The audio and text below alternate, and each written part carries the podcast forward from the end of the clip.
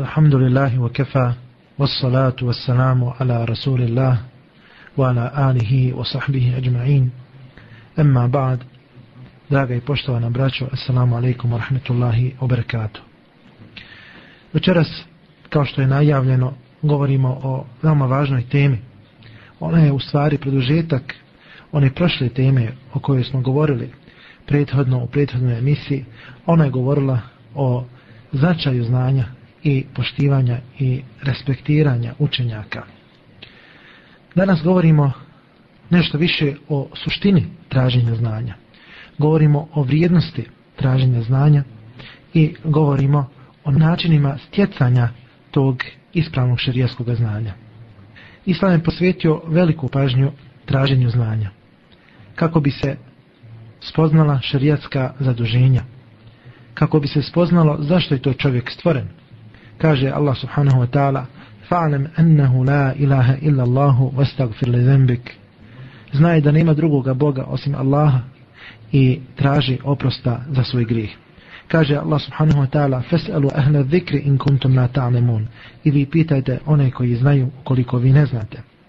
U sunnetu poslanika alejhi salatu vesselam se prenosi talebul ilmi faridatun ala kulli muslim. Traženje znanja je obaveza svakome muslimanu. Inače ovaj hadis prenosi imam Taberani u El Eusatu i El Bejheqi u Šu'abul Imanu i imam Taberani kaže da je sahih. Zatim El Fudail ibn Iyad radijallahu anhu wa rahimahullahu ta'ala je upitan o ovom hadisu o značenju ovoga hadisa pa je rekao talebul ilmi farida traženje znanja je obaveza i svako dijelo koje je tebi obaveza i traženje znanja u vezi toga dijela je također obaveza, odnosno farsa.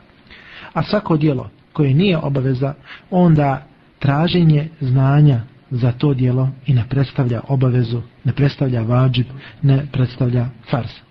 Suština okosnica šarijeskog znanja jeste da se traga za onim što je vezano za spoznaju Allaha subhanahu wa ta'ala. Za spoznaju Allahovog poslanika alaih salatu wasalam. Spoznaju vjere Islama i to putem različitih argumenta, odnosno dokaza. U Fethul Bariju se navodi pod znanjem se misli na šarijetsko znanje koji donosi korist, spoznaje, a to je ono što je obaveza onome koji je obavezan samim šarijetskim propisima u pogledu svoje vjere, u pogledu svojih ibadeta, u pogledu obhođenja sa drugim ljudima.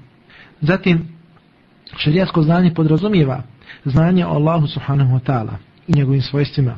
Zatim, podrazumijeva da čovjek zna koje je dužnosti dužan prema Allahu subhanahu wa ta'ala izvršavati. Zatim, da Allahu subhanahu wa ta'ala pripisuje samo ono što je najuzvišenije, da ga lišava svake manjkavosti.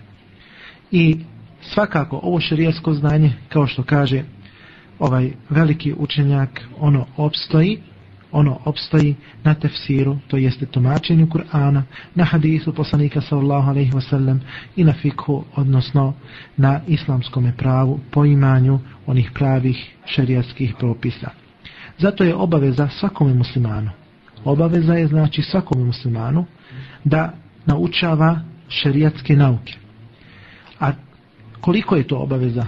Koja je to kvota koju čovjek treba da ima da bi njegovo znanje bilo ispravno? To jeste da zna onoliko koliko će njegov ibadet biti ispravan. Da zna šta je to tevhid, ispovjedanje jednoće Allah subhanahu wa ta'ala da zna šta je to taharet, čišćenje, da zna šta je to namaz, da zna šta je to zekat, da zna šta je to post, da zna šta je to hađ, da zna putem čega će njegovo obhođenje sa drugim ljudima biti ispravno. Bilo da se radi o prodaji, kupovini, bilo da se radi o braku, bilo da se radi o talaku, puštanju žene, bilo da se radi o tome da mora znati koja mu je hrana dozvoljena, koje mu je piće dozvoljeno ili zabranjeno, koja mu je odjeća dozvoljena, koja mu je zabava dozvoljena, da zna šta mu je dozvoljeno od imetka. To su sve stvari koje musliman ne smije, a da ih i ne zna, odnosno nije mu dozvoljeno da ne poznaje te stvari. Međutim, kada se radi o nekim drugim stvarima, o nekom drugom znanju, kao što je, na primjer, znanje o islamskom sudstvu, kao što je poznavanje propisa o islamskom nasljedstvu, poznavanje propisa o šerijskim kaznama, o e, različitim šerijskim prekršajima, o borbi na Allahovom putu, znanje o ovim stvarima nije fardi ain, kao što je ovo znanje koje je prethodno spomenuto, nego je ovo znanje fardi kifaje, kolektivna obaveza, a što znači kolektivna obaveza? Ako bude ljudi koji se bave ovim znanjem, dio ljudi, onda obaveza spada sa onoga ostatka ljudi. Međutim, ako niko ne bude naučavao ovo znanje, onda su svi ljudi griješni. Kaže imam El Bejhaqi, rahimahullahu ta'ala, traženje znanja označava spoznaju Allaha subhanahu wa ta'ala, tvorca uzvišenoga. I označava spoznaju onoga što je došlo od Allaha subhanahu wa ta'ala. Označava spoznaju vjerovjesništva, poslanstva. Označava spoznaju onoga čime se poslanik alaihi salatu veselam razlikuje od drugih ljudi. Označava spoznaju Allahu i subhanahu wa ta'ala propisa. Zatim poznavanje onoga što se traži u vidu propisa kao što su Allahova knjiga, kao što je sunnet, kao što je kijas, odnosno analogija, kao što su uslovi ičtihada. A Kur'an i hadis, kao što kaže Imam el-Beheqi, su ispunjeni govorom, navodima o vrijednosti znanja i učenjaka. Znači, postoje velike vrijednosti znanja i učenjaka. Mi smo o tome nešto prošli put govorili, sada ćemo još uzgled spomenuti nekoliko stvari, nekoliko važnih naznaka koje ne možemo nikako zaobići. Allah subhanahu wa ta'ala je pohvalio znanje i rekao je da nisu isti oni koji znaju i koji ne znaju. Kaže, kuli hel jeste vi lezine ja'nemune vel lezine la ja'nemun, innama je tezekkeru ulul albab. Reci, jesu li isti oni koji znaju i oni koji ne znaju? U istinu, pouku uzimaju samo oni koji imaju pameti. O vrijednosti učenjaka koji postupaju prema onome što im je naređeno, koji postupaju prema onome što se navodi u šarijetskim tekstovima, koji su praktičari. Postoji mnogi šarijetski tekstovi i oni pojašnjavaju vrijednost, veličinu, respekt prema znanju, pojašnjavaju njihove opise, posebne vrijednosti, odlike kojima se odlikuju sami učenjaci, a prva od tih odlika jeste el-hašija, da su oni bogobojazni, da kod sebe imaju bojazan i strah od Allaha subhanahu wa ta'ala. To je prva odlika onih koji su učeni. To je jedan od najvećih stepena, kao što kaže Allah subhanahu wa ta'ala, innama jahša Allahe min ibadihil ulema. Allaha se samo od njegovih robova boje oni koji su učeni. Zatim, drugo, Allah subhanahu wa ta'ala je njihovo svjedočenje vezao za svoje svjedočenje i za svjedočenje meleka. A to je jedna vrsta posebnih pohvale. Allah subhanahu wa ta'ala je znači pohvalio učenjake kada je ispomenuo svoju pohvalu, svoje svjedočenje. Jer Allah subhanahu wa ta'ala nikoga ne poziva na svjedočenje od svojih robova, osim ukoliko su ti robovi poznati kao pravedni i poznati kao pošteni. Kaže Allah subhanahu wa ta'ala šehid Allahu annahu la ilaha illa hu wal malaikatu wa ulul ilmi qaimen bil qist. Allah svjedoči da nema drugoga Boga osim njega, a i meleki, a i oni koji imaju znanje izvršavajući tu pravdu istinu. Zatim, treća odlika učenjaka jeste da je znanje od Allaha subhanahu wa ta'ala, da je to blagodat od Allaha subhanahu wa ta'ala i kada je od Allaha subhanahu wa ta'ala onda onaj koji ima znanje zaslužuje i ima pravo da od Allaha subhanahu wa ta'ala traži još više znanja. Znači, vrijedno znanja jeste da se ono još više povećava. Kaže Allah subhanahu wa ta'ala وَلَا تَعْجَلْ بِالْقُرْآنِ مِنْ قَبْلِ أَنْ يُقْدَ إِلَيْكَ وَحْيُهُ وَكُرْ رَبِّ زِدْنَ ilma. I nemoj brzati sa Kur'anom prije nego što se objava Kur'ana završi. i reci gospodaru moj, povećaj mi moje znanje, povećaj mi znanje. Zatim četvrta odlika onih koji posjeduju znanje jeste da će im se podići stepeni. I podižu se stepeni znanja samo onima čije je znanje sazdano i u čije znanje ugrađen iman, odnosno ispravno islamsko vjerovanje. Allah subhanahu wa ta'ala kaže, povezujući ove dvije stvari, znanje i iman, odnosno vjerovanje, jer fe illahu ladhina amenu minkum wal ladhina utul ilme darajat. Allah će one od vas koji vjeruju i kojima je dato znanje podići na visoke stepene. U Fethul Bariju također se navodi podizanje onih koji imaju znanje. Podrazumijeva to značinsko podizanje na dunjaluku, to jeste da čovjek doživi reputaciju i ugled na ome svijetu. Zatim, da bude poštovan od strane ljudi, a također takav čovjek će imati i poseban obračun i njemu će se posvetiti posebna pažnja na sudnjem danu na ahiretu, kada će imati visoke stepene u džennetu. Zatim, peta odlika znanja i onih koji nose znanje jeste da znanje olakšava put do dženneta. O tome smo prošli put govorili, zato što za onoga koji traži znanje, oprost također traži sve ono što je na nebesima i na zemlji. Jer poslanik sallahu alaihi wasallam kaže kako prenosi Ebu Hureyre radijallahu anhu omen salaka tariqan yaltamisu fihi ilman sahala Allahu bihi tariqan il dženna onaj koji bude krenuo putem traženja znanja krene putem tražeći znanje Allah će mu olakšati putem toga i put do dženneta ومن اجتمع قوم في بيت من بيوت الله يتلون كتاب الله ويتدارسونه بينهم إلا نزلت عليهم السكينة وحفتهم الملائكة وغشيتهم الرحمة وذكرهم الله في من عنده I neće se ljudi okupiti u jednoj od Allahovi subhanahu wa ta'ala kuća, učeći, citirajući Allahu subhanahu wa ta'ala knjigu, međusobno se podučavajući Allahu subhanahu wa ta'ala knjizi, a da se neće od Allaha subhanahu wa ta'ala spustiti spokoj na njih, da ih neće okružiti meleki i da ih neće prekriti Allahova subhanahu wa ta'ala milost i da ih Allah subhanahu wa ta'ala neće spomenuti, spomenuti kod onih koji su kod njega.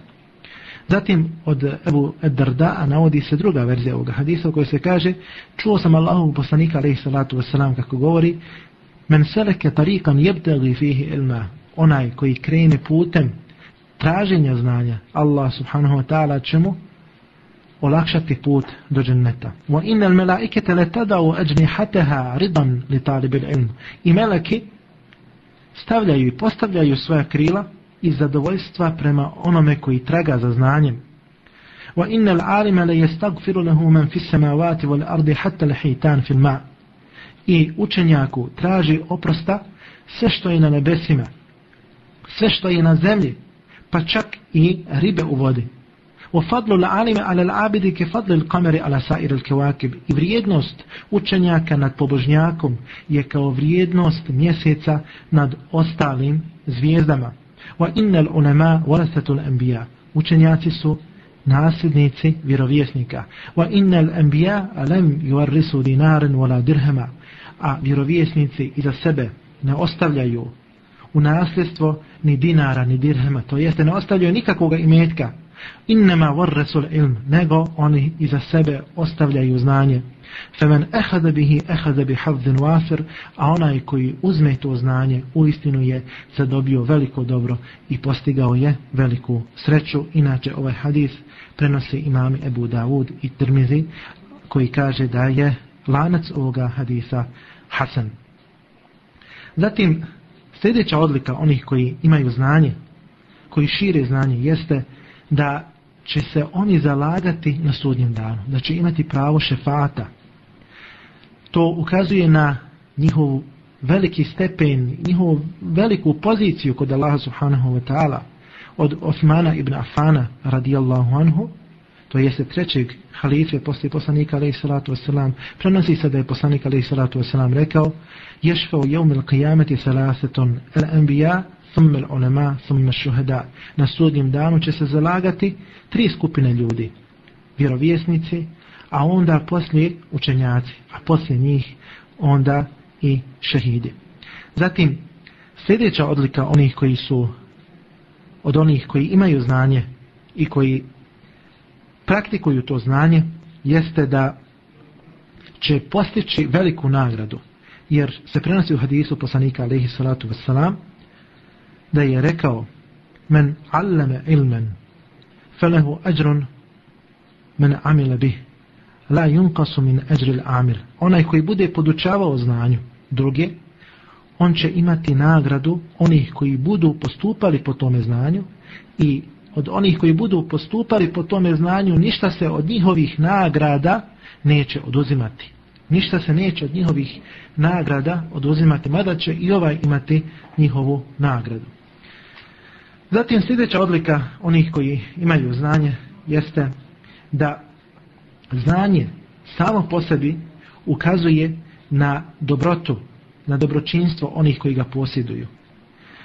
Znanje samo po sebi svjedoči da takvi ljudi imaju vrijednost, da imaju poseban fadl, jer se od Muavija radijallahu anhu prenosi da je vjerovjesnik alaihi salatu wasalam rekao Men yuridi Allahu bihi hayran yufaqihu fid din kome Allah subhanahu wa ta'ala želi dobro znači uputi ga na podučavanje propisima vjere Pa kaže poslanik sallallahu alejhi ve sellem: "Innama ana qasimun, wallahu yu'ti wa yamna."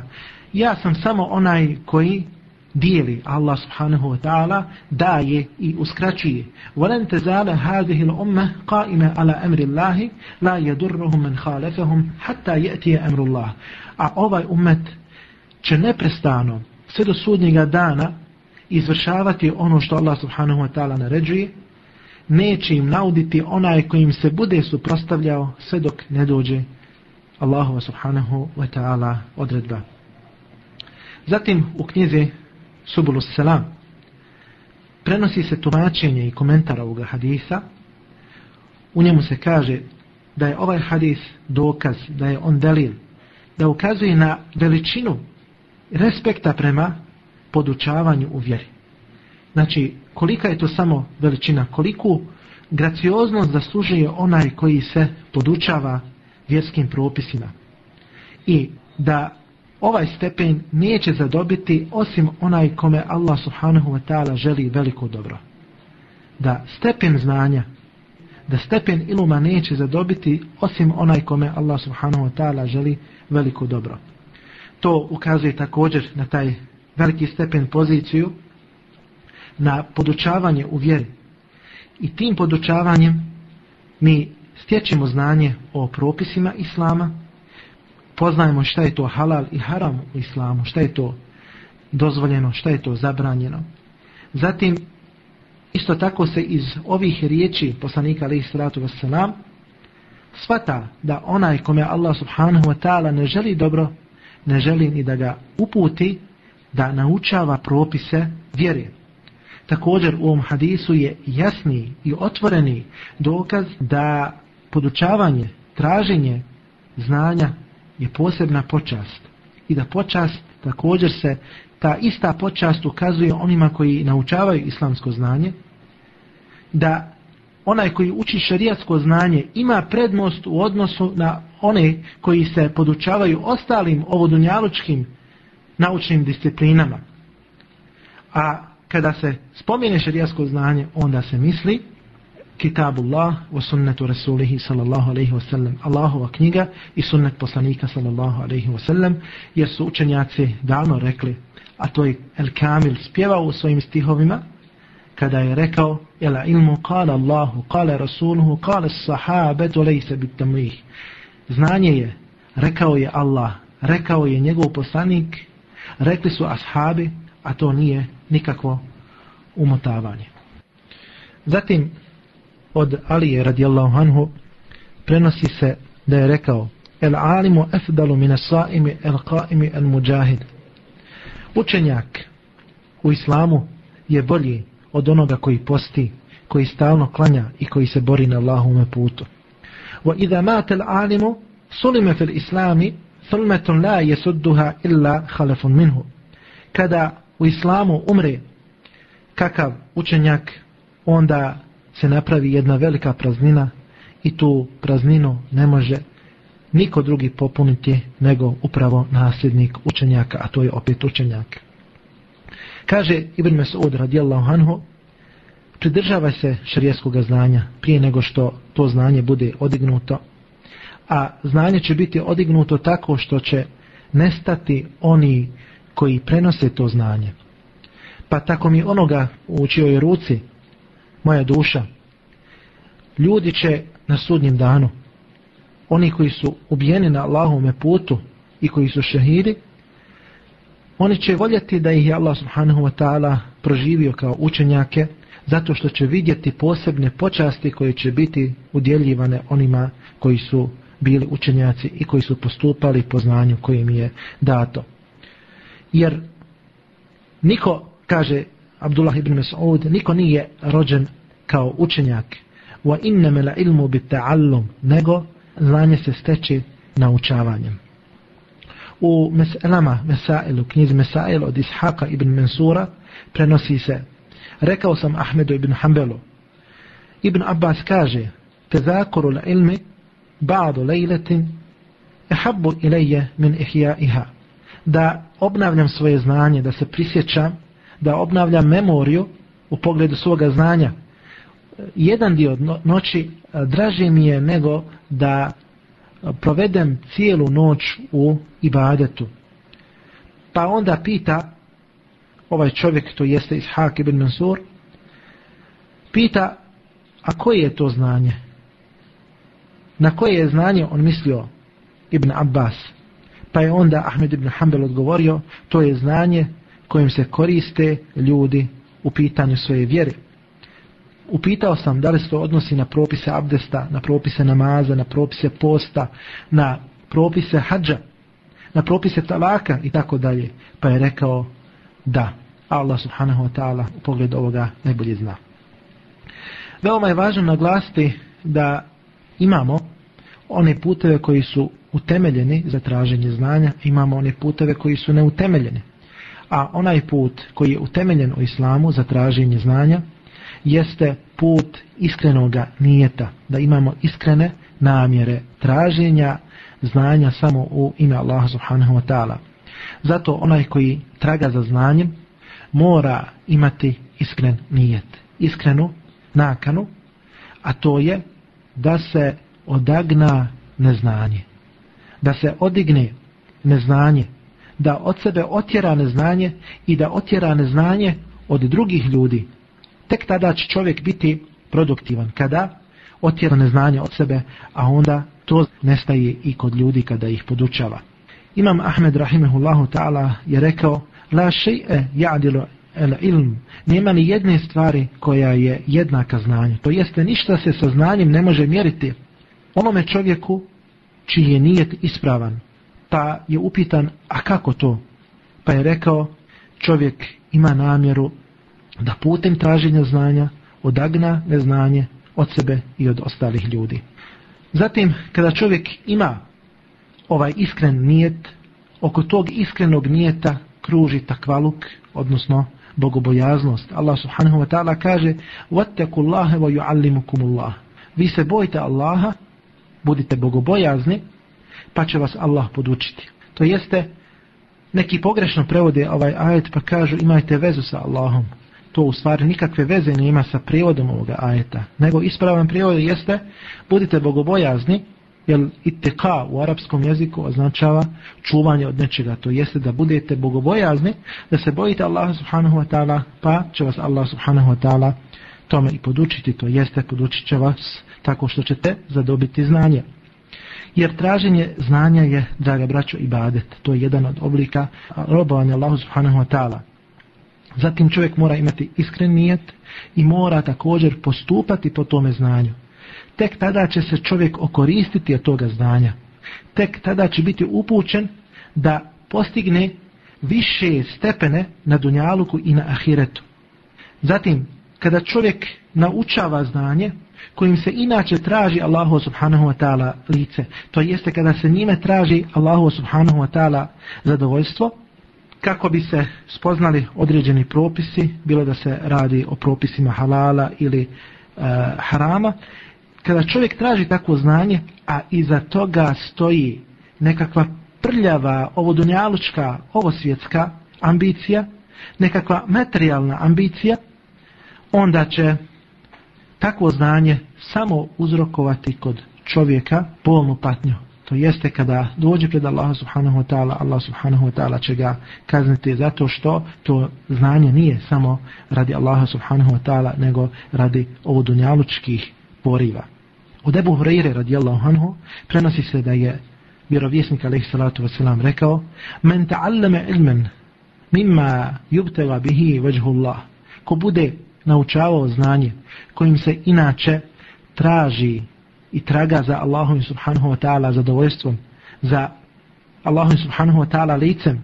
La je illa li yusibe bihi arda min ad dunja lem jeđid arfal dženneti jevmel qiyame ko bude tražio to znanje kojim se inače traži Allahu subhanahu wa ta'ala zadovoljstvo a on to naučava samo da bi stekao ovodunjalučku korist, da bi pokupio ovodunjalučke mrvice, on neće osjetiti miris dženneta na sudnjem danu. Inače ovaj hadis prenose sabirači sunena.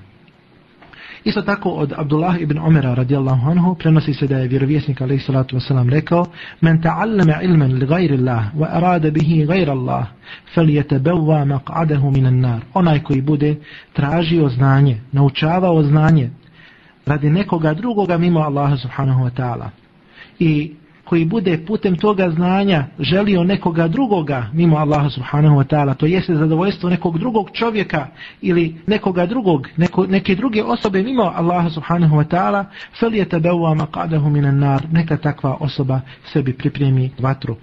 Od Kaaba ibn Malika radijallahu anhu prenosi se da je vjerovjesnik alaih salatu wasalam rekao men talabela ilme li uđarije bihil ulema أو ليماري به السفهاء أو ليصرف به وجوه الناس إليه ادخله الله النار onaj koji bude tragao za znanjem kako bi se takmičio i bio konkurent učenjacima ili kako bi se raspravljao sa neuračunjevima kako bi na sebe privukao pažnju ljudi kaže poslanik sallallahu alaihi wasallam Allah subhanahu wa ta'ala će ga radi toga uvesti u vatru. Inače, ovaj hadis prenose imami At-Tirmizi i Ibn Mađe. Zatim postavlja se pitanje, nakon što smo spoznali kolika je to vrijednost i blagodat naučavanje šerijskog znanja iz Allahove knjige sunneta poslanika sallallahu alaihi wasallam, šta je to sa ostalim naukama koje nisu šarijaske, koje su ovo svjetske.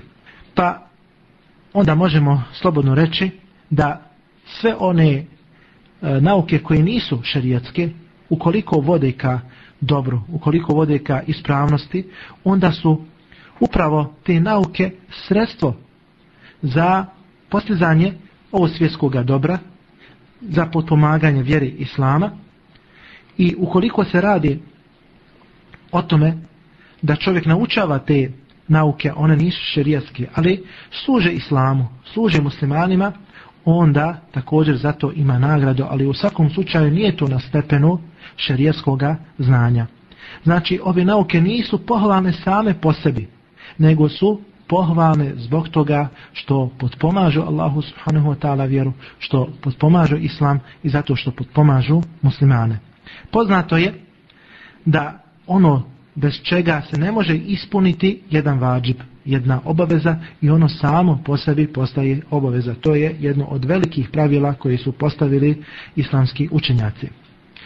Znači, svako znanje iz kojeg proizilazi korist ljudima, koje donosi korist ljudima, koje zadovoljava njihove potrebe i koji štiti od Allahu subhanahu wa ta'ala neprijatelja, svako znanje koji se koristi mimo toga šarijaskog znanja, ukoliko se ima također ispravan nijet, takvo znanje se smatra fardi kifaje, da je to kolektivna obaveza, mi smo spomenuli na početku što je to kolektivna obaveza, kao što je medicina, kao što je inženjering, kao što je građevinarstvo i tako dalje. Sve te nauke ukoliko pomažu vjernike, ukoliko pomažu islam i muslimane, ukoliko čovjek ima iskren nijet da to koristi u ime Allaha subhanahu wa ta'ala, onda ima nagradu za to. I onda se i te nauke mogu svrstati u one koje će čovjeku donijeti veliku korist na sunnjem danu. Zatim, to se odnosi i na nauke koje su vezane, na primjer, za izučavanje jezika, za izučavanje književnosti, je se putem tih nauka, posebno kada se odnosi to na arapsku književnost, putem tih e, nauka se dolazi do spoznaje o šerijetskim argumentima i pravilima, jer Allah subhanahu wa ta'ala kaže وَأَعِدُّ لَهُمْ مَسْتَتَعْتُمْ مِنْ كُوَ Vi protiv njih pripremite onoliko koliko možete snage. Zatim, svi navodi koji se spominju o vrijednosti i počasti toga znanja, bez sumnje odnose se na šarijetske nauke kao što smo rekli, zato što su te šarijetske nauke došle kako bi se ispravila ona devijantna društva i kako bi se također čitavo čovječanstvo spasilo iz zablude. Koji to je ispravan put za stjecanje znanja? To je ono znanje koje se uzima od pravih učenjaka, koji su poznati po svome takvaluku, kao što smo rekli, koji su poznati po naučavanju Kur'ana i sunneta. A znanje se ne uzima od onih koji slijede svoje zablude, koji slijede novotarije, koji su popustljivi u pogledu onoga što je Allah subhanahu wa ta'ala zabranio da budemo u tome popustljivi. Zatim, znanje se ne uzima od onih ljudi koji su poznati po pomanjkanju svoje bogobojaznosti. Zato su učenjaci davno rekli, davno su iskazali veoma važnu činjenicu ili frazu innal fasiqa la tasihu fetfahu bi iđmal muslimin. Da fasik, veliki griješnik, izdaje fetve, njegovo izdavanje takvih fetvi prema konsenzusu svih učenjaka muslimana nije ispravno niti je validno. Najbolji put za stjecanje znanja jeste da se pronađe osoba u koju vjerujemo, kojoj vjerujemo i da ona nam bude učitelj da od nje uzimamo to znanje u svojoj vjeri, da od te osobe uzimamo mudrost, da počinjemo sa znači kraćim zbirkama, da počinjemo sa sažetim knjigama, a zatim da se postepeno proširujemo u tome znanju, kao da se penjemo uz e, stepenice, tako ćemo kasnije e, saznati možda neke veće mesele, veća pitanja Islama. Zatim ćemo poznati koji su to temelji našeg ispravnog vjerovanja, koji su temelji našeg fikha, ispravnog e, podučavanja propisima Islama. Poznaćemo šta je to hadis, šta je to tefsir, izučavat ćemo i studirati propise Kur'ana i naravno odabirati one šerijatske izvore koji su jasni, koji su lahki, koji su dostupni i koji su shvatljivi. A ne one šerijatske izvore pod navodnicima šerijatske izvore koji su prepuni filozofije i koje razumije samo nekolicina ljudi. Nije to islam. Zatim, onaj koji stekne znanje mora imati na umu odgovornost izdavanja fetve. Zatim se u knjizi prenosi a to je knjiga Šerhu Muslim, Šerhu Muslim, i u knjizi Meratibul Iđma. Men kana alima bi ahkami Kur'ani wal hadithi, sahihi wa saqimihi, wa bil iđma, wa ihtilafi fuqaha, wa kana vara'an, falahu an yufti. Da, onaj koji poznaje propise Kur'ana i hadisa, koji zna razvrstati kakav je to ispravan hadis, a kakav je to neispravan hadis, koji zna šta je to konsenzus učenjaka, koji poznaje razilaženja učenjaka i naravno, pored svega toga, da bude bogobojazan. Takav ima pravo da izdaje fetve, da bude muftija. A onaj koji ne poznaje ovo što je rečeno, kao što se navodi znači u knjize Šerha Muslim, da onaj koji ne poznaje ove stvari, od ovoga što smo spomenuli, nije mu dozvoljeno da izdaje fetve, makar bio bogobojazan da bi čovjek izdavao fetve, znači mora biti i bogobojazan, a mora imati i šerijsko znanje. Jer čovjeku nije dozvoljeno da izdaje fetvu samo na osnovu iskrenog nijeta. Naši su ispravni prijateljnici govorili wa kam min الْحَيْرِ لَا la. Koliko samo ima onih koji žele dobro, ali ga ne mogu pronaći, ne mogu ga pogoditi. Zato je vrijednost učenjaka nad pobožnjakom. Pobožnjak možda ima iskren nijet, ali nema nekada ispravno znanje i sa tim svojim znanjem može i odlutati. Kemesali šeitani iz kalelen insani kfor.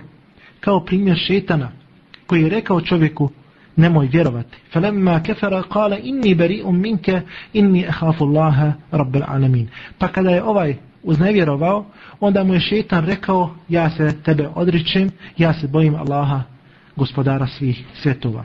Na što se to odnosi? Odnosi se na onu osobu koja je džahil, koja ne poznaje propise Islama i kada je bila neznalica, onda je bilo lahko šeitanu da je zavede, kao što navodi Imam Ibn Qaim malo to u dužoj formi u knjizi El Sevaid koristi, a molimo Allah subhanahu wa ta'ala da nas ovim također okoristi. Zatim, draga braće i poštovane sestre, udaljavanje od znanja je nešto najgore što može zadesiti čovjeka. Allah subhanahu wa ta'ala kaže ومن أظلم ممن ذكر بآيات ربه ثم أعرض عنها إنا من المجرمين منتقمون A ima li nepravednijeg od onoga koji je opomenut našim dokazima, našim ajetima, a zatim se udalio od njih, a mi ćemo se, kaže Allah subhanahu wa ta'ala, sigurno zločincima osvetiti. I kaže Ibn Kathir, rahimahullahu ta'ala, u komentaru, tumačenju ovih riječi Allaha subhanahu wa ta'ala, to jeste, nema nepravednijeg od onoga koga Allah subhanahu wa ta'ala opomeni svojim ajetima, svojim dokazima, kome Allah subhanahu wa ta'ala razjasni i pojasni svoje dokaze, a zatim takav čovjek ostavi te dokaze, onda ih počne negirati, udalji se od njih i pravi se da ih je zaboravio kao da ih uopće nije nikada ni znao. Zatim, ilum ima svoje edebe, ima načine ponašanja, kako se to stječe, znanje. Na to nas upućuje Allahu poslanik alaihi salatu wasalam kada kaže ta'allamu la ilma wa ta'allamu lahu sakinete wal waqara wa tawada'u liman tata'allamuna minhu wa la takunu jababirata al ulama kaže naučavajte znanje i naučavajte da znanje ima spokoj, da ima smirenost, da ima dostojanstvo. Budite skromni prema onome od koga uzimate znanje i nemojte biti oholi i nemojte biti silni. Nemojte biti silni u tome znanju, nemojte biti oholi i silni učenjaci. Kaže Ibn Kajim rahimahullahu ta'ala, znanje ima šest stepeni. Prvi stepen jeste da se lijepo pita. Drugi stepen jeste da se lijepo šuti i da se sluša, se slušava ono što učeni govore. Treći stepen jeste da se lijepo shvata. Četvrti, da se lijepo pamti, odnosno memoriše. Peti stepen jeste da se drugi educiraju, da druge podučavamo.